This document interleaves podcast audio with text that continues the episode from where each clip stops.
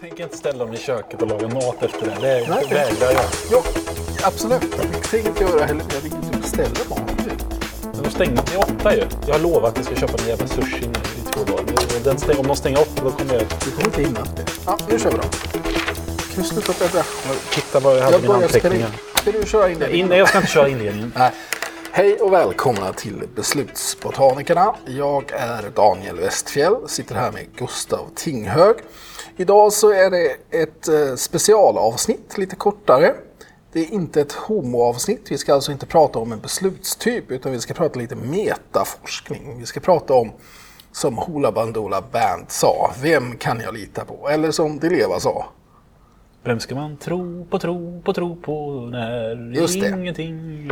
Så det ska alltså handla om det faktum att vi har sett att det finns en massa resultat som vi trodde var sanna men som inte är sanna. Och det har också kommit upp.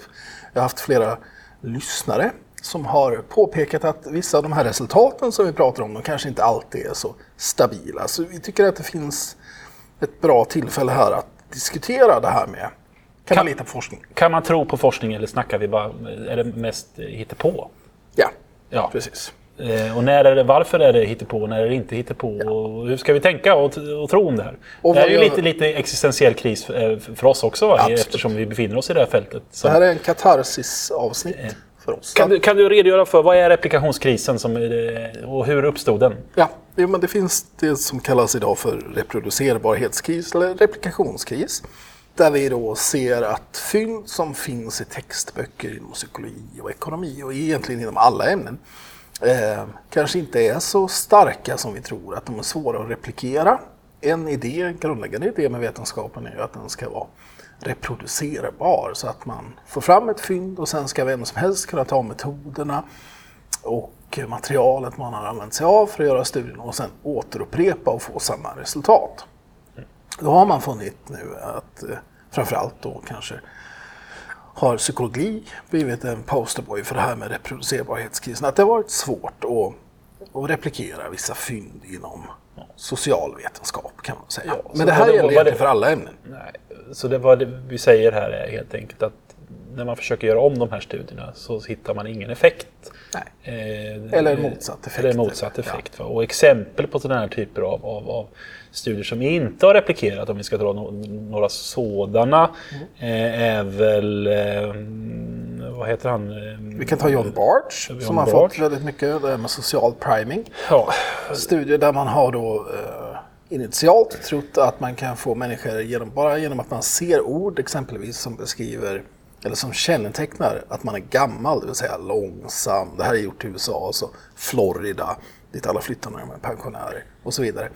Gör att man, om man tar tiden, så man tar på sig att gå från experimentet, så går man Efteråt då, långsammare efteråt. Ja, så att man, man primar folk att bete sig som, som, en, som en, en gammal människa. Ja, helt precis. enkelt genom att få dem att läsa några eh, ord som, Ja, som, som så- loosely kopplar till, till att man är gammal. Det har väl visat sig att det inte replikerar va? Nej, Utan sociala primingstudier har haft väldigt svårt att, att replikera. Vi har ju en annan primingstudie, den här Professor Pry, som vi i Jedi Lab deltog i replikeringsstudien av. Som eh, egentligen handlar om att man primar intelligens. Man får information om eh, en professor kontra en huligan. Och sen så får man göra i princip ett intelligenstest. Eh, och då så ser man att när man har primats med professor så är man mer intelligent än när man är primad med huligan. Och det replikerar inte Det heller. replikerar inte heller. Och vi har också vi har ju tidigare jobbat med det här att man, man får fatta beslut snabbt under tidspress att, eller intuitivt, att man blir mer samarbetsvillig. Det har vi varit också i Jedi Lab eh, delaktiga i. Mycket i den litteraturen, alltså det replikerar inte heller. Ehm, Ego depletion. Ego depletion, eh, det vill säga att när, när, man tröttar ut eh, hjärnan genom att mental ansträngning, att det ska påverka att man sen i efterföljande uppgift också be- beter sig, svarar sämre helt enkelt. Eh, har också inte replikerat och det har varit en riktig akademisk köttkvarn, den replikeringen. Eller icke-replikeringen. Så det finns ju en hel del, den här, vad heter det, power, Power po- power posing var ju en annan, jag vet inte, kommer inte ihåg ens ihåg vad den Amy Cuddy som, som eh, har fått hela sin akademiska karriär förstörd tycker hon därför att den här power pose-studien inte replikerar. Power pose är egentligen att man visar status och visar kraft, framförallt om man är kvinna, så um, känner man sig mer empowered, alltså mer kraftfull och det påverkar ens interaktioner med människor och så vidare. Replikera inte heller. Det finns massa sådana här ja. exempel där det inte replikerar. Vi ska prata om några andra fall där det kanske replikerar. Men, men du känner ju en, eh, en av eh, forskningsfuskets eh, anfader. Kan du inte berätta lite om det? Det ska jag göra. Men jag tänkte att vi ska först berätta lite varför det kan uppkomma den här, varför den här reproducerbarhetskrisen har uppkommit. En sak är forskningsfusk. Och det, det är säkert inte så vanligt förekommande. Det är nog inte det som ligger bakom de här oförmågan att, att uh, replikera resultat. Tror du inte det att folk fuskar lite? Det finns ju, ja men det är det som är grunden här. Det finns ju en incitamentstruktur inom akademin. Alltså det är ju inte så att vetenskap borde vara helt objektiv. Vi har redan tidigare varit inne på att även forskare lider av eh, motiverat tänkande. Men det finns också en incitamentstruktur som har varit sån att man... Det som räknas för oss, vi är inte bättre än vår sista publikation. Och för att bli publicerad i de allra bästa tidskrifterna så har det ofta behövts ett litet eh, sexigt motintuitivt fynd. Som till exempel att man kan gå långsammare från en studie om man bara läst några ord om att vara äldre. Ja, det är ju helt mindblowing. Ja, men det, alltså, är, så, det är konstigt att man kan få en sån effekt. Mm. Så mycket av samhällsvetenskaplig forskning har försökt producera sådana resultat. Man har valt lite motintuitiva, lite sexiga fynd. Och dessutom har man då kombinerat det här med det som kallas för questionable research practices, alltså tveksamma. Man har inte fuskat rakt ut, men man har exempelvis kunnat köra ett litet, litet sampel, inte så många. Och så har man sett att åh, jag fick en signifikant effekt. Eller jag har tittat på data medan jag samlar in det. Och när resultaten ser ut som jag hade tänkt, som min hypotes var, då slutar jag att samla in data. Eller att man är väldigt flexibel i vilka, vad man rapporterar i sin studie. Vilka mått. Så det kanske funkar på ett mått, hur snabbt det gick, men det funkar inte på sju andra. Nej, men jag rapporterar bara ett av ja, och Det är väl det man brukar kalla för p-hacking. Ja. Helt enkelt att man kör en himla massa test. Eh, och slumpmässigt så bör ju, kör man tillräckligt många test så bör ju någonting någon gång trilla ja. fram som signifikant. Va? Ja. Och då väljer man att rapportera det och så skiter man att rapportera de andra. Ja. Det är väl det som vi brukar kalla för p-hacking.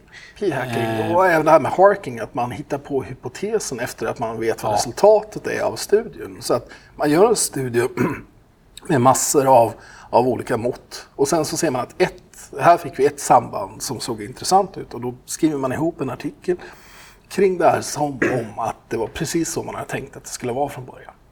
Så alla de här sakerna är inte regelrätt fusk.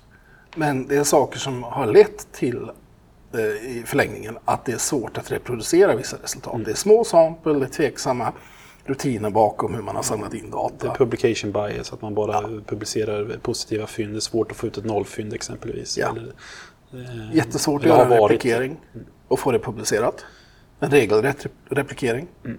Ta exakt samma material och få det publicerat. Då kommer eh, granskare och redaktörer av tidskrifter säga att här finns inget nyhetsvärde.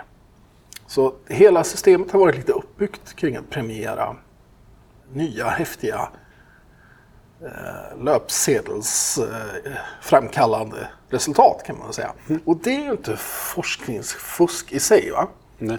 Även om det är tveksamma sätt att, att bedriva forskning. Sen finns det ju några uppmärksammade fall av fusk också.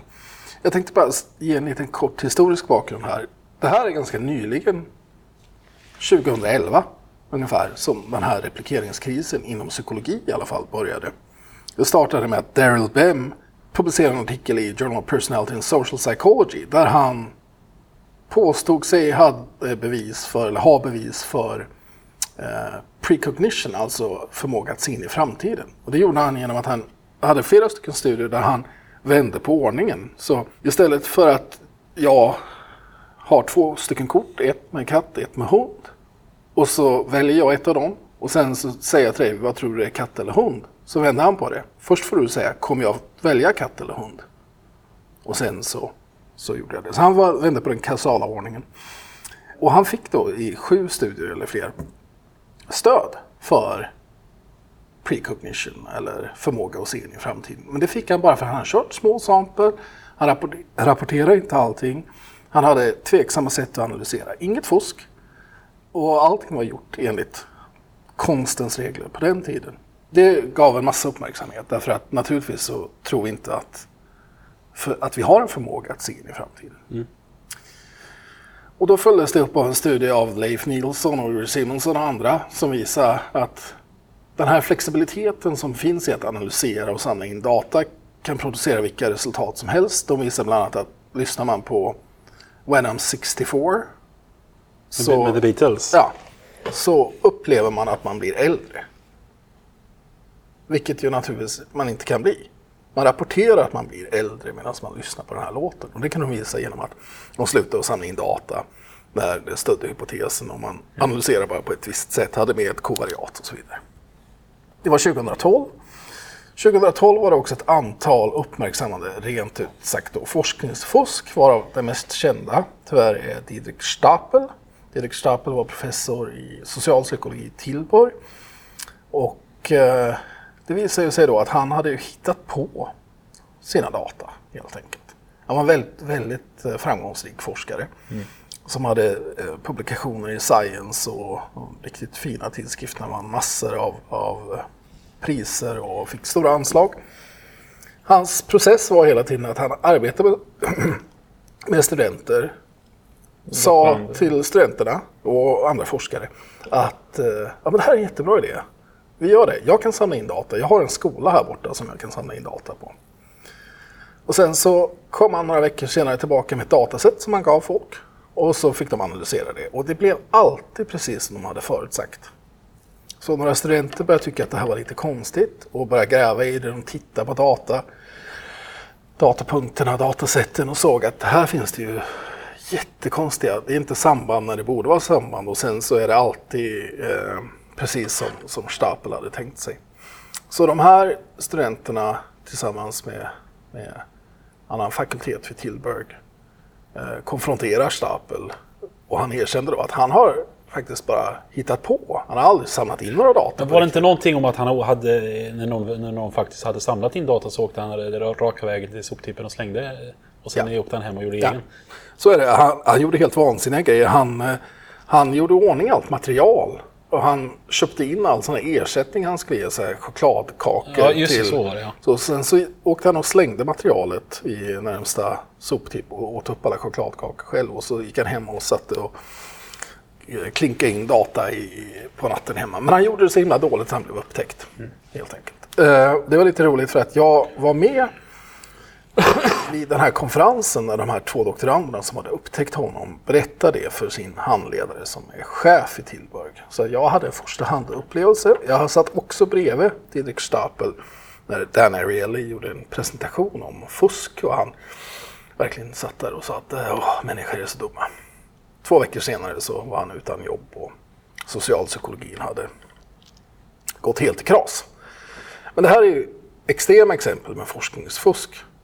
Och, och, det tror jag inte ligger bakom speciellt mycket av det här problemet med replikering som jag sa förut. Jag tycker det är intressant att, att han förlåt, numera har någon slags egen tv-show där han sitter på olika typer av eh, spårvagnar mm. ja, och ja. pratar. Det, det har du också gjort. Ja, vi har inte... Train Talk eller vad heter det? Ja, just det. Train Talk. Istället för TED Talk. Mm. Eh, men vad är det för någonting? Nej, men han försöker. Han har ju satt upp pjäser och skrivit böcker och allt möjligt. Han försöker ju... Han fick ju ge tillbaka sin, sin doktorsexamen och blev naturligtvis utan jobb och sådär. Han... Det gick inte så bra för hans doktorander heller. Eller de fick väl fortfarande behålla sin... Eh... Nej, det var någon som fick göra om alltihopa tror jag. Ja. Men det är massor av människor. Alltså man drog tillbaka alla de här artiklarna och så vidare. Ja, men han försöker försörja sig på olika sätt naturligtvis. Um, så han, han gör diverse saker, bland annat åker omkring på tåg och pratar om varför han forskar, eh, fuskade med forskning. Och sen var det ett par andra sådana här högprofilfall där det var eh, forskningsfusk. Men, men det, är en, det är en liten del i det här med vem kan man lita på vad gäller forskning? Jag har väl under, jag sa det i någon tidigare episod, va? Mm, förr när man var, eh, ofta när man hör i, så här, det här är forskning, det ska du tro på. Det, jag har ju inte den känslan när jag får, ser ett, ett, ett nytt fynd eller får ett forskningsresultat eh, presenterat för mig att jag måste tro på det. Och det har väl gemene man. Ja. Jag tycker ofta man säger det här är forskning, det måste du tro på. Ja, både och. Man säger att tilltron Eh, under ett tag i alla fall sjönk ju för forskare och forskning.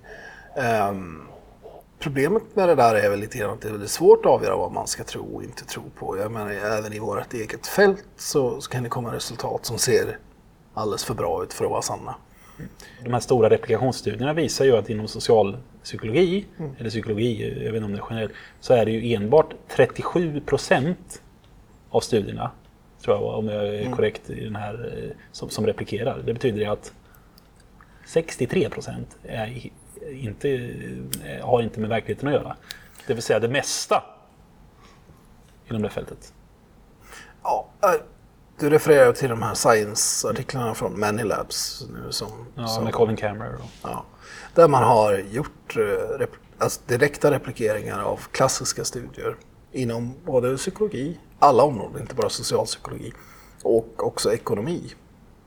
Men i ekonomi så var replikeringsgraden lite högre, runt över 60 procent. Ja, det är inte så imponerande det heller kan man Nej. tycka. Men, men eh, lite bättre. Varför är det skillnad i de här områdena? Eh, jag vet inte om skillnaden är så, även om den ser stor ut så vet jag inte om det är en meningsfull skillnad. Eh, vissa vill göra det till en stor poäng, men alltså, det är inte konstigt att inte allting replikerar. Det är en del av, av forskningsprocessen. Ibland har man helt enkelt fel. Det, och den kumulativa forskningsprocessen är så att då lär vi oss någonting nytt och så går vi vidare. Sen så, den andra aspekten är ju att det finns en, en historik kanske inom eh, psykologi att man har kört mindre sampel det var okej okay att köra 40 personer i två grupper. Eh, som inte riktigt har varit inom ekonomi. Där kör man större sampel. Ja, det här, tror du det här spelar någon roll? Att det, det inom psykologi, forskningen är ju lite mer okej att, att luras. Det vill säga man får fara med osanning till sina eh, försökspersoner, vilket, vilket inte är normen inom, eh, om vi ska kalla den ekonomiska forskningen, där man inte får, får, får luras. Ja, det är viktigt att undersöka att det att lura försöksdeltagare, det vill säga att man säger att studien är om någonting helt annat mm. än vad det är om. Vilket är en stark norm inom, inom ekonomisk ja, forskning. Ja, det får man inte göra inom ekonomisk Nej. forskning. Ja, det kan vara så. Men mest för att jag tror att det begränsar väldigt mycket vad man kan göra inom ekonomisk forskning. Man hela tiden måste berätta exakt vad det är man gör. Mm. Så man kanske inte kan göra sådana här far out, konstiga studier. Det kanske möjligtvis, men sen så tror jag inte att... att vad menar du att det är någon slags slippery slope? Därför att psykologer ljuger för sina försökspersoner så ljuger de också om resultaten. Ja. Är det så du tänker? Jag tänker väl att... Ja, det, var bara, det var bara en, en, en tanke som flög, flög ur mig här. Jag, för det är ju en av de centrala skillnaderna mellan, mellan beteendeexperiment inom, inom ekonomi och inom psykologi är ju just deception-aspekten. Mm.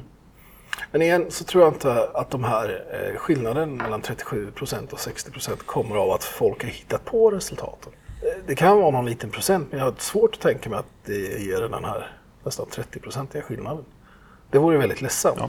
Om det vore så.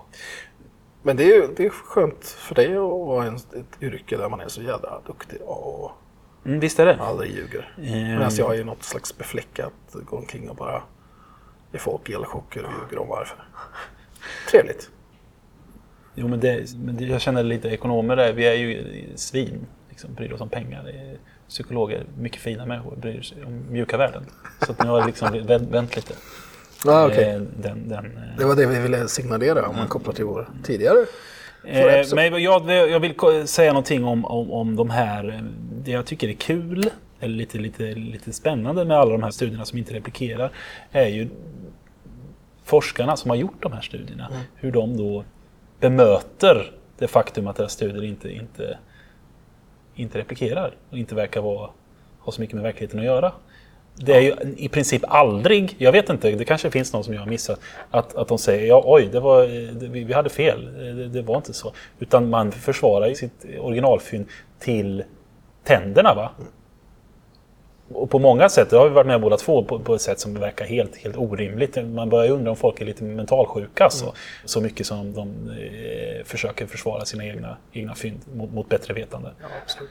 Eh. Men jag tror att det också har att göra med att man inte skiljer mellan sak och person. Så att när, när ett fynd som man har varit med och tagit fram blir attackerat så ser man det som en personlig attack. Vilket ju är lite märkligt därför naturligtvis borde den objektiva kunskapen vara fri från personen som har tagit fram det. Det är hela idén mm. inom vetenskap. Men så är det inte därför att vi bygger karriärer på våra idéer. Jag menar, du är ju ego depletion, Gustav. Oj. Nej, men Bara som ett exempel. Men, jag, jag, men vi blir ju... Jag, du blir ju arg. Du blir rosenrasande när det kommer någon, eh, någon studie som, som eh, säger någonting som inte du säger. Ja, det är klart. Därför att man har en agenda, man har ju någonting. Jag tror ju på det som, som jag för fram. Men sen så tror jag att, att det är klart, om det är så här 25 labb. Vi har hört med sådana här eh, Registered Replication Reports där man tar en studie, 25 labb i olika länder, gör samma studie. Mm. Om man då ser att man inte får någon effekt, då är det svårt att säga någonting annat än att ah, hoppsan. Hittills har ju alla de här har ju någon sagt, eh, ja det, det blev var det finns en förklaring här ja. som jag inte kom på innan vi gjorde den här. Man får ju alltid godkänna att det är en replikation innan. Ja. Då hittar man på någonting eh, post hoc. Bland annat tycker jag den här, den här förklaringen som eh, Roy Baumeister förde fram om att vi, eh, vissa forskare har ju flare. Mm. Och andra har inte flare. Och det är bara de forskarna som har flare som kan få signifikanta fynd. Just det. Vad menar han med det egentligen? Ja, han menar att, att, som en förklaring till varför det blir icke-replikerat är att folk är inkompetenta helt enkelt. Att det finns någon slags hemlig ingrediens, eller vad man nu ska kalla det, som man måste ha för att kunna eh, framgångsrikt eh, bedriva forskning han skrev, väl, han skrev väl till och med så här, han har till och med haft doktorander som saknat flare och ja, kunnat precis, få eh, precis. signifikanta fynd. Ja. ja. det är ju oerhört ledsamt alltså, det är helt galet. Det är ett jättebra och dåligt exempel på hur man reagerar. Men det finns ju andra, jag menar det finns ju den här studien som vi inte har nämnt med, med ansiktsfeedback. Mm. Om du håller en penna i munnen så att du ler så tror kroppen att du är glad. Det är Fritz Strack gjorde den, artikel, eller den studien 1988. Eh, och sen eh, så har man då med hjälp av Fritz Strack själv replikerat det här, försökt replikera det här i, med över 20 labb. Och då fick man en nollresultat. Det fanns ingen som helst effekt av att sitta med en penna i munnen eller en kontrollbetingelse. Man blir inte gladare. Eh, och han var ju väldigt upprörd kring det här och skrev långa artiklar där han försökte förklara bort det här nollfyndet. Sen har det kommit en studie alldeles nyligen då som, som försöker förklara när det blir ett nollfynd och när det inte blir ett nollfynd. Så idén här är att när du ler så sänder ansiktet en massa signaler till kroppen. Kroppen tolkar dem som att om jag ler då måste jag vara glad. Och det får man bara fram om man är fokuserad på sig själv. Så de gjorde en variant på den här, replikeringen där man hade två betingelser. En betingelse där man satt själv. En annan betingelse där man var själv fast med en videokamera. Och i den här betingelsen där man var med videokamera, då fanns det ingen effekt. Därför att då var man så fokuserad på det externa, att man var observerad.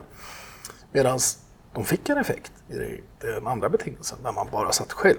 Och den, den första replikationen hade också en videokamera. Ja, och det där, där i ska då förklaringen vara varför ja. att den, inte, den ursprungliga effekten inte fanns. Nej, precis. Så en väldigt Men då var det ju inte heller en riktig en ren replikation.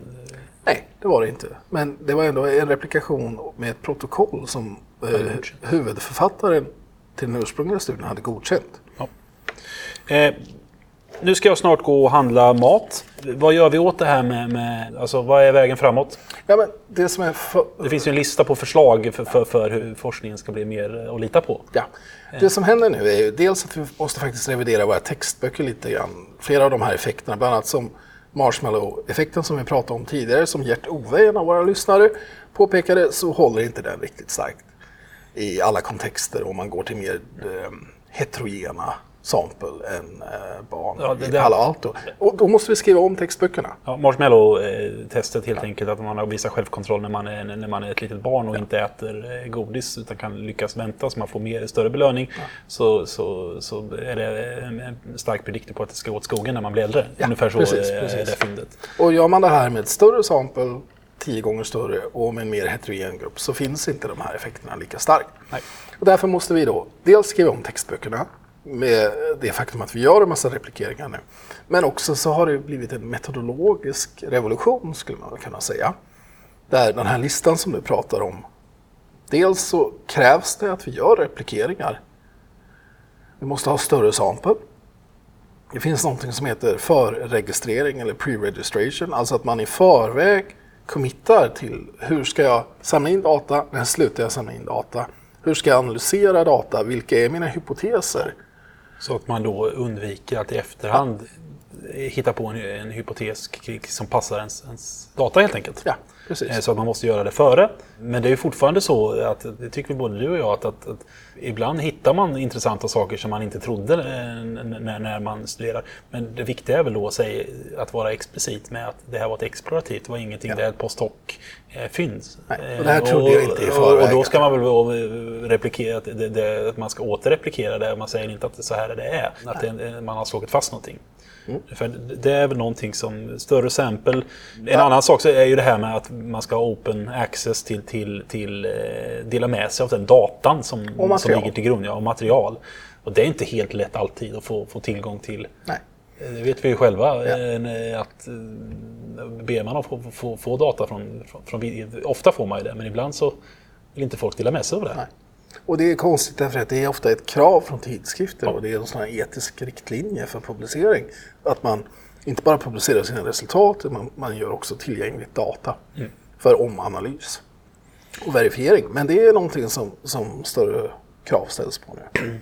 Jag tycker också det eh, ligger lite vi har mycket studenter och sånt som skriver uppsatser och sådana här saker. Och det, det, är ett återkommande problem bland dem är ju eh, att de är så himla sugna på att få signifikanta resultat i tid och otid. Det är som att eh, får vi inte signifikans då är det misslyckat. Mm. Och skitsamma vad det är för signifikans vi får. Eh, har vi fått någonting som är signifikant så är det det som, som styr vad vi skriver. Och det ligger lite till grund i i utbildning faktiskt fortfarande att, att de får med sig sådana saker mm. från statistik och kurser. Att, att, att, att det enda som är viktigt statistiskt är vad som signifikans. Mm. Eh, när det snarare är så att det är forskningsfrågan och, och hypoteserna och vad de är som är, som, att det är en bra som, studie ja, som är metodologisk. Som är, som är det intressanta, inte huruvida saker och ting är signifikanta till höger och vänster. Nej, men det är, så där, där är också en del i den här eh, revolutionen är väl att man tänker lite annorlunda kring det här med den statistiska analysen och vad som är ett, ett riktigt resultat och inte ett mm. riktigt resultat. En, en, en, sista grej är väl också att man för, har ju kommit förslag på att man ska sänka signifikansnivån till 0, ja, till en halv procent istället för 5 procent. Mm. Nu är det en ganska teknisk detalj, men vad det innebär är att det är svårare att hitta positiva fynd. Och det krävs egentligen att du måste ha större power, alltså större sample. Ja, och att de måste vara mer robusta egentligen. För vad det betyder är att ja. om du kör 100 studier och har en 5% signifikansnivå så kommer fem stycken studier vara signifikanta. I vanliga fall, ja. ja. Men nu är det bara rent, en halv. Rent slumpmässigt, nu är det bara en halv. Ja. Så att det minskar risken för att vi tolkar ett resultat som sant och positivt när det egentligen inte är det. Ja, men det ökar också risken att vi slänger bort eh, resultat som faktiskt är sanna. För det är också en eh. viktig sak tycker jag. Du sa att det var sista grejen, men jag, jag vill ändå pusha lite för det. Att det, det är också en ökad acceptans va, för nollresultat. Som förut har det varit väldigt svårt att publicera ett icke-positivt resultat. Nu börjar det bli lättare. Men du har ju en diger publikationslista. Med bara nollfynd? Med bara nollfynd, ja. Det hade varit omöjligt för 20 år sedan. Tror jag.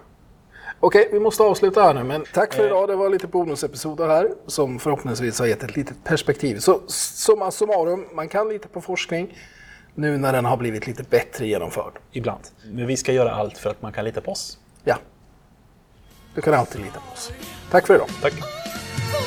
Så vem ska jag tro på?